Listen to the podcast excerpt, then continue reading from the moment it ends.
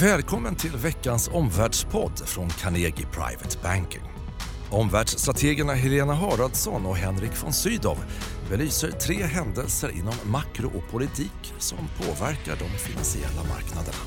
Klockan är strax efter 11. Det är torsdag den 17 oktober. Stockholmsbörsen uppe på ja, rekordnivå nu samtidigt som rapportsäsongen har startat på allvar med eh, flera stora rörelser, bland annat Ericsson som då rusar uppåt. Detta då i en marknadsmiljö där eh, makroutsikterna också medfört att marknadens förväntningar på en Fed-sänkning senare i oktober nu ökar ordentligt samtidigt som Brexitförhandlingarna idag slutspurtar med toppmöte i Bryssel. Vi pratar om allt detta, tre ämnen på tio minuter. Mycket välkommen till veckans omvärldspodd. Eh, Helena, idag så gick ridån upp för det som är 2010-talets sista rapportsäsong på Stockholmsbörsen med mm, då bland annat Ericsson, Tele2 och Telia. Vilka är dina första intryck? Ja, även om det inte är en rekommendation då så kan man ju observera att eh, samtliga de här faktiskt var bättre än analytikernas prognoser. Mm. Man kan observera att Telias aktie föll och de meddelar att de ska sluta återköpa aktier och enligt vår analytiker på grund av eh, hög skuldsättning lite mm. trög start på året och intressant en svagare konjunktur och omvärld. Mm. Eh, Tele2 däremot då lyftes men det var på bra utveckling i Norge som det förefaller. Mm. Eh, och sen kan man observera då som du själv sa Ericsson rusar. Mm. Eh, aktien steg ju framförallt eh, verkar som på överraskande bra marginalutveckling. Mm. Men också att de lyfte sin egen officiella försäljningsprognos för 2020. Mm. Eh, kanske bättre 5G-utrullning i USA, även om det är osäkert i Kina. Ja, kan det vara. Ericsson är ju jätteintressant. Det är ju både mycket teknik, mycket politik och mycket makro. Ericsson kanske är en decoupling-vinnare, det får vi väl se. Mm. eh, intressant att se hur den handlas när USA börjar öppna i eftermiddag. Ja. Vilket amerikanskt intresse var för Ericsson. Det kan mm. vara stort. Jag tycker också man ska observera på de här tre rapporterna att det är väldigt stora rörelser, mm. både på positiva överraskningar men också på negativa. Vi klarar plus minus 5-6 procent åt båda hållen. Ja, verkligen. Du, om vi blickar, det här var ju ja, första stora dagen får man säga. Eh, vilka rapportdagar är särskilt intressant för dig framåt? Ja, för mig blir det ju konjunkturperspektiv och då blir ju svaret verkstad förstås. Mm. Eh, ska bli spännande att se om de svarar som de gör i de barometrar som jag följer, det vill säga om de uttrycker mer pessimism. Imorgon så har vi då på fredag alltså Sandvik och Volvo, på måndag Atlas Copco. Eh, kommer bolagen att sänka utsikterna igen? Eh, sist var de lite oroliga att det kunde vara oförändrat till något sämre. Det finns ju också några konkurrenter som har vinstvarnat. Mm. Eh, men det andra då framförallt också att piken är om en vecka då onsdag torsdag. Då kommer ju tre av storbankerna och det är ju en tung sektor för Sverige. Och Nordea kommer på torsdag. Sen om man tittar på våra teman, jag tycker Astra är lite spännande. Vi har ju lyft fram det som ett framtidens läkemedelsbolag. De är väldigt stora inom cancer som också är tidigare tema. Så det blir spännande. Just det, onsdag, torsdag, som sagt, piken på detta. Eh, ja. Vilken information är det du kommer spana efter? Det låter ju enkelt att säga utsikterna. Hoppas att vi får några kan man säga. Det kan ju hända att många bolag bara väljer att peka på att det är väldigt osäkert allting. Och det vet ju marknaden. Jag tror att det, det krävs något mer konkret. Alltså om hur djup svackan blir eller hur långvarig den blir för att man ska pressa en aktie ordentligt. Och sen frågan är hur mycket hintar får vi egentligen om 2020 redan nu? Sen mm. kommer jag titta på kostnader. I mitt perspektiv så är vi ganska sent i cykeln. Hur ser kostnadstrycket ut? Det kan ju vara både tullar och arbetsmarknad. Och hur lyckas man då antingen med de besparingsprogram man har lanserat eller om man kan skjuta det här vidare. Det här kan bli väldigt viktigt för vinster och marginaler i en låginflationsmiljö. Mm. Och sen kanske då hur reagerar man, alltså hur balanserar man det här i verkstad med kanske eh, underliggande svaghet mot ett kronlyft då? Vad blir viktigt för marknaden? Det borde ju vara underliggande styrka. Kan jag tycka. Mm, just det, så hintar de 20, 20 kostnadstrycket i bolagen och ja, underliggande styrka versus kronlyft. Om du skulle ha en kort slutsats? Ja, rapportsäsongen har utan tvekan inlett starkt då, men för mig så tycker jag det är mer spännande med verkstad framåt och jag förväntar mig en ganska slagig utveckling faktiskt. Och det har illustrerats idag. Vi går vidare med andra frågan då. Även om vi är mitt, eller ja, i starten på rapportsäsongen då. Eh, skulle du bara komma med din bild av vad som rör sig under ytan så att säga, då, eller bakom rubrikerna på makrofronten? Du har fått några spännande signaler i veckan. Berätta din tolkning. Ja, globalt tycker jag det var intressant att IMF då faktiskt officiellt sänkte sina prognoser markant för nästa år från 3,3 till 3. Eh, det är intressant med det här, det är två saker. Det första är att 3 har historiskt varit en kritisk gräns för om vi i världen har fått se stigande eller fallande vinster. Så mm. där är ju en risk. Mm. Det andra är att många tycker att 3,3 till 3, det är, det är ju det är så lite. Men om man tänker 0,3 i procent eller andel av 3,3 det är faktiskt nästan 10 procents sämre försäljning. Så där har du en risk till. I USA kan man väl lyfta fram den här färska Beige bok från igår kväll då där det mm. centralbank som sammanställt trender i olika regioner. Regioner lite mer försiktig ändå. Fler ser inbromsning och sänker förväntningar alltså för 6 till 12 månader framåt. Och sen fick vi också detaljhandeln, här, världens motor, igår eftermiddag. Det var faktiskt en liten besvikelse på den underliggande trenden.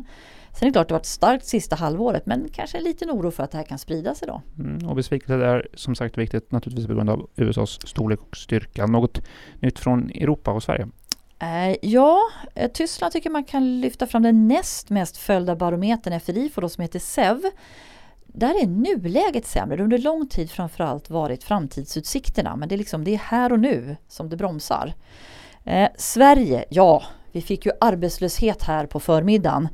Eh, klart högre, men de lyfter fram att de har haft vissa mätproblem och kvalitetsproblem som kan ha överskattat arbetslösheten. Men för mig är det tydligt, trenden är sämre. Mm -hmm. Och mätproblemen ökar osäkerheten kanske? Eh, ja. Något eh, om vi skulle plicka, titta på några ljuspunkter i, på makroutsikterna ja. som du noterar? Det, det kan vara kul att lyfta fram dem också då. För balansera. Men man kan säga så här att räntekänsligt, kanske framförallt i USA, går ju bra. Alltså konsumtion är ändå hyggligt och bostadssektorn har haft starka signaler sista tiden. Eh, när det gäller handel så är vi ju inte imponerade av Trumps besked att första fasen av de här handelssamtalen snart kan resultera i någon form av överenskommelse. Vi bara noterar att Kina är väldigt tysta. De snarare trappar upp då eh, Hongkong att USA inte får lägga sig i där. Men det är ändå en lättnad att Trump väljer att inte trappa upp. Det verkar som att han inte vill ha någon mer negativ effekt på ekonomin så det är en lättnad. Det är inte en deeskalering men det är inte en upptrappning. Och kanske det tredje positiva då om vi tar något bolag Fastenal som gör skruvar ses som en indikator för tung industri och byggutrustning då.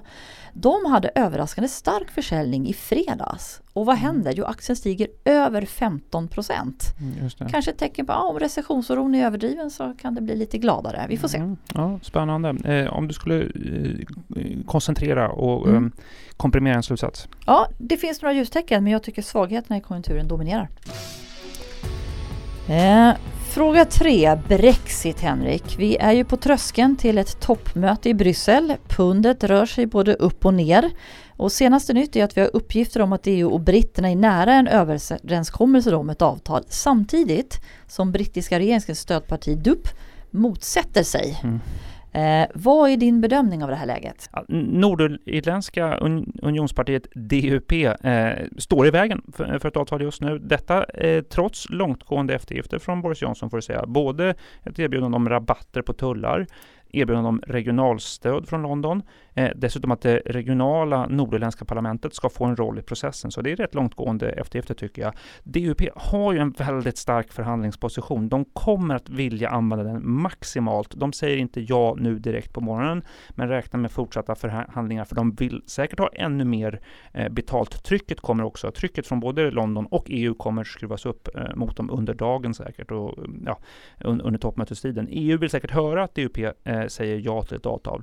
Eh, DUP är viktigt, ska jag också säga så, för att dels avgör de en majoritet och dels är de också avgör de om flera brexitörer, hårdföra brexitörer, kommer rösta för ett avtal. Så de är en, en ledande indikator på en omröstning i parlamentet. Mm.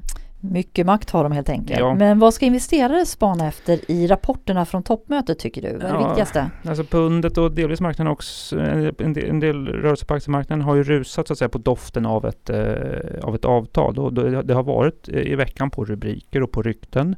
Eh, samtidigt som när man ser då som det här med DUP, alltså tecken på att hindren växer eller att hindren blir fel, då faller, då faller pundet och, och delar av aktiemarknaden. Eh, jag tycker det har varit en process med verkligen då steg framåt och tillbaka och, åt sidan och konkurrerande signaler på, hur, hur, på förutsättningarna faktiskt få till ett avtal. Olika mood music som man säger från huvudstäderna. Eh, jag tror att de säkra signalerna är de uttrycken är ungefär de samma från Berlin och Paris. Eh, jag skulle faktiskt säga att alla uppgifter från London är väldigt osäkra beroende mm. på den destabilitet som vi har på mm. den politiska scenen där. Enligt din bedömning, var, hur ser handlingsalternativen och vilka vägval ligger på bordet? Mm, det första är att vi, vi, vi, under den här under torsdag fredag som toppmötet pågår får ett utkast till ett eh, avtal, kanske också juridiska detaljer i det här, att faktiskt då komma överens på, på, på toppmötet. Det här kan vara av karaktären ett utkast, alltså inte helt klart men ändå så att säga en, en överenskommelse.